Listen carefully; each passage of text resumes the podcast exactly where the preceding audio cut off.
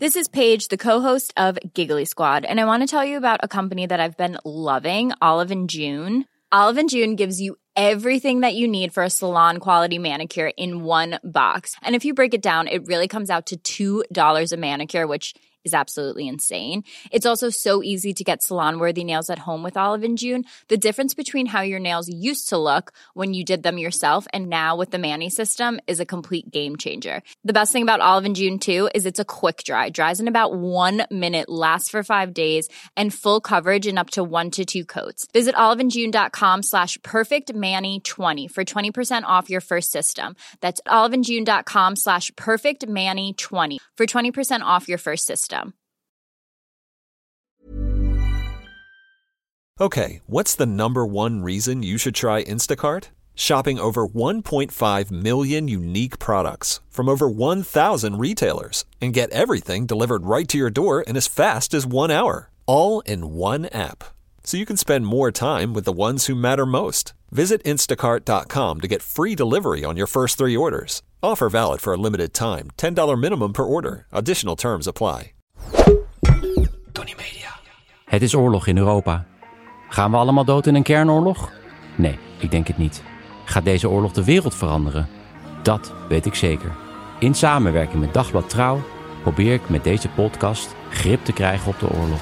Elke dag houd ik je op de hoogte van de situatie in Oekraïne en Rusland. Maar eerst even dit. En dit is wat er gebeurde op dag 75 van de oorlog. Vandaag werd in Rusland, zoals elk jaar op 9 mei, de overwinning op de Duitsers in de Tweede Wereldoorlog gevierd. Of zoals die in Rusland wordt genoemd, de Grote Vaderlandse Oorlog. Verreweg de meeste doden vielen in de Tweede Wereldoorlog in de Sovjet-Unie. En het is een overwinning geweest van de hele Sovjet-Unie natuurlijk, niet alleen van Rusland. Oekraïne heeft na Rusland bijvoorbeeld de meeste soldaten verloren in de oorlog. In een aantal landen van die voormalige Sovjet-Unie was dit jaar geen 9 mei-parade. Bijvoorbeeld in Kazachstan. Dit uit protest tegen de oorlog in Oekraïne en tot ergernis van het Kremlin. Opvallende afwezige bij de parade vandaag was generaal Gerasimov, de opperbevelhebber van de Russische strijdkrachten. Voor het eerst in de geschiedenis dat de baas van het leger niet op de parade aanwezig is. Ik besteedde op dag 68 al aandacht aan Gerasimov. Hij zou misschien gewond geraakt zijn aan het front in Oekraïne. De 77 vliegtuigen en helikopters die over het Rode Plein zouden vliegen, die deden niet mee. Vanwege de bewolking was de officiële reden. Maar op beelden uit Moskou is te zien dat de lucht hooguit half bewolkt is. Misschien waren ze harder nodig in Oekraïne. Er waren ook al geen vliegtuigen bij militaire parades in Yekaterinburg, Novosibirsk en in Samara. Wel liepen er 11.000 soldaten over het Rode Plein. Wat een overweldigend beeld is om te zien. En als je die beelden nog ziet op het journaal of zo vanavond, bedenk dan dat er twee keer zoveel soldaten, 22.000 nu, zijn omgekomen in Oekraïne. Heb ik het over Russische soldaten. In zijn speech had Poetin het lef om te zeggen: Vandaag vechten jullie voor dezelfde zaken als waar jullie opa's en overgrootvaders voor vochten. Overigens hebben er ook heel veel vrouwen meegevochten, maar dat terzijde. Um, voor de rest in zijn speech de gebruikelijke revanchistische onzin, uh, die ik niet waard vind om hier te bespreken. Kira Yarmysh, de perswoordvoerder van de oppositieleider Navalny, omschreef Poetin als volgt: Een oude man, gek in zijn zelfisolatie, staat alleen op het podium omdat niemand hem op kwam zoeken, hoest en zegt iets over de naties van de NAVO. Het lijkt me dat zelfs de meest toegewijde Poetin-aanhanger niet zal geloven dat dit een beeld van overwinning is. Ondanks speculaties verklaarde Poetin Oekraïne niet de oorlog en dus ook geen mobilisatie van de Russische bevolking. Voorlopig durft Poetin niet aan om de Russische mannen uit de imaginaire comfortzone te halen van de Russische staatstv. Het is duidelijk dat Poetin het hoge aantal doden op het slagveld niet kon negeren. Dat was eigenlijk het meest opvallende deel van zijn toespraak. Hij had empathische woorden over voor de nabestaanden en dat is ja, voor Poetin best bijzonder. Hij zei: We zullen alles doen om deze families van overledene en gewonde soldaten te helpen. Nou, daar valt nog een hoop te verbeteren. Vrijdag had ik het al over een man die een been verloor in Oekraïne en ter compensatie een zak boekwijd en een fles slaolie kreeg. Een paar weken geleden was nog de verwachting dat Poetin 9 mei een klinkende overwinning zou hebben geboekt. Nou, niks van dat alles. Het Britse ministerie van Defensie meldt dat de precisieraketten op beginnen te raken in Rusland. Met als gevolg nog meer willekeurige bombardementen. Zoals een Oekraïnse school in de buurt van het front, waar 90 mensen schuilden toen er zaterdag een bom viel. Nog 60 mensen liggen daar in het puin en ja, zijn waarschijnlijk overleden. Russen zijn verder verdreven in de dorpen rond Kharkiv.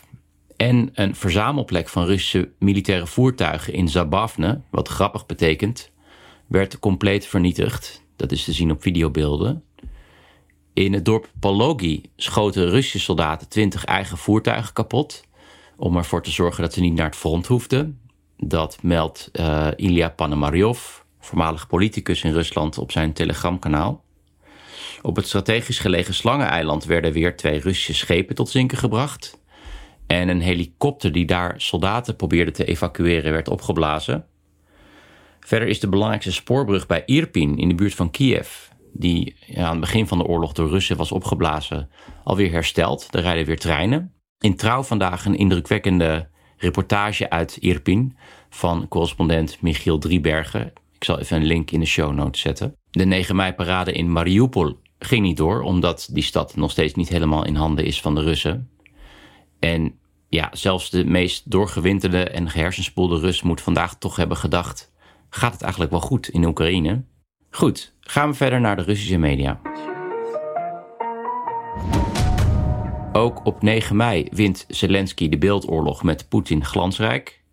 Terwijl Poetin op het bordes op het Rode Plein enigszins verveeld onderuitgezakt zat te kijken naar de intercontinentale kernraketten die voorbij rolden, gaf Zelensky een speech vanuit Kiev, op straat, wandelend met zijn gebruikelijke swagger, over de Kresiatik, de hoofdstraat van de stad. Hij legde daaruit dat vele landen hebben geprobeerd Oekraïne te bezetten, maar dat het de naties niet is gelukt en nu Poetin ook niet. Vroeger of later zullen we winnen, eindigde hij. De Russische staatstv is tijdens de 9 mei-parade gehackt dat wil zeggen niet de beelden, maar wel de informatie die in beeld komt als je van zender verandert. In plaats van informatie over het programma staat er dan in beeld. Onze handen zijn bedekt in het bloed van de dood van duizenden Oekraïners en hun kinderen. Terwijl in Kiev Bono van U2 optrad in een metrostation om steun te betuigen, moesten de Russen het doen met een groep Soedanezen. Dat is een beeld van het Russische persbureau RIA Novosti dat veel is gedeeld van een reportage uit Sudan. De nieuwslezer vermeldde trots dat daar 9 mei wordt gevierd. Maar voor Russische kijkers was het juist pijnlijk duidelijk dat die 9 mei-parade door de rest van de wereld wordt geboycott. Anders zouden ze niet met een reportage uit Sudan aankomen zetten. Sinds de annexatie van de Krim trouwens in 2014 zijn westerse landen al niet meer aanwezig op die parade. Op de beelden feliciteert een Soedanees in vlekkeloos Russisch eh, de Russen met de overwinning. Een aantal Afrikaanse landen heeft hechte banden met Rusland. Dat stamt nog uit de tijd van de Sovjet-Unie. Ehm, er is ook een universiteit in Moskou, de Patrice Lumumba Universiteit. En daar uh, studeren nog heel veel mensen uit Afrikaanse landen. Een creatieve Rus had een prachtige parodie gemaakt op de 9 mei-parade. Tanks zag je rollen over het Rode Plein. Met erbovenop geplunderde koelkasten, airconditioners en tapijten. In de lucht vlogen transportheli's, waar dan wasmachines aan bungelden. Wat natuurlijk het meest gewilde object is voor plunderende Russische soldaten in Oekraïne. Oké, en dan nog dit. Er gingen ook veel beelden rond van Russen gekleed in militaire outfits, vaak in de stijl van de Tweede Wereldoorlog. Dit is al jaren aan de gang, soms compleet met geweren, al dan niet nep. Ik heb gefascineerd gekeken naar een veelgedeelde video van drie vrouwen in militair uniform die ja, op zo'n kleine trampoline springen. Zo'n fitness trampoline, zeg maar. Ik zal even een link in de show notes zetten. Dit is echt next level absurdisme. Ik zal ook een link zetten naar militaire salades. Ook een prachtig genre. Zo kan luisteraar uh, van de podcast die mij hier ook al op wees. En blijft trouwens komen met uh, tips. Altijd leuk om te krijgen.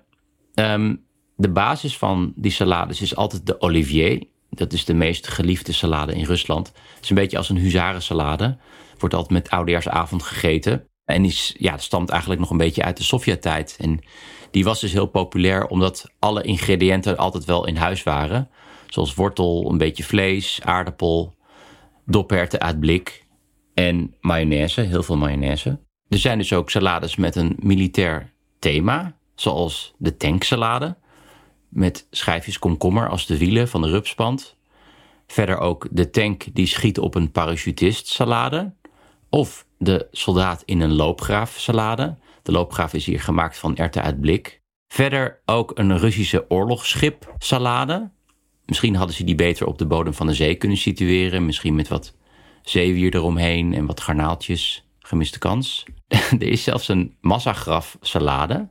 Gezellig. Gaan even lekker de massagraf salade eten.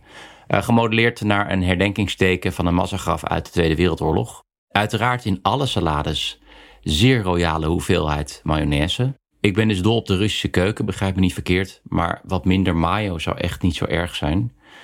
Zoals bij het klassieke gerecht haring onder een bontjas. Dat bestaat uit één laag haring, één laag mayo en een laag bieten.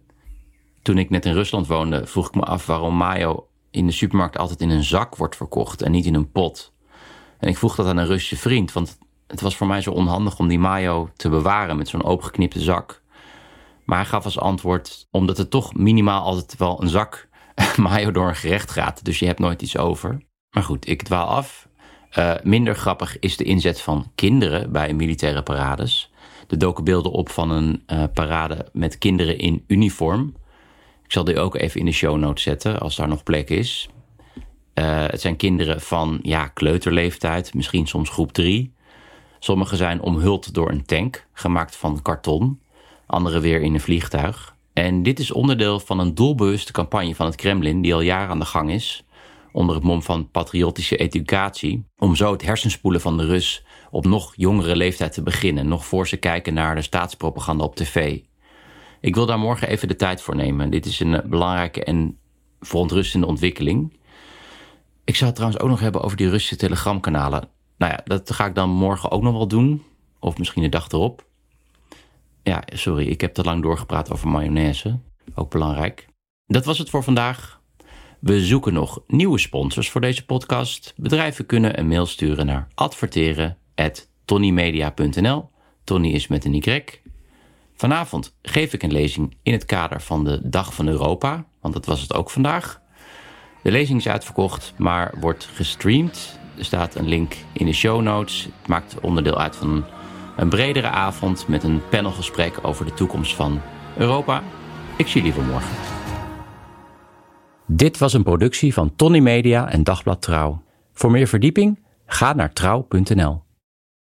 We made USAA insurance for veterans like James. When he found out how much USAA was helping members save, he said, It's time to switch. We'll help you find the right coverage at the right price. USAA. What you're made of, we're made for. Restrictions apply.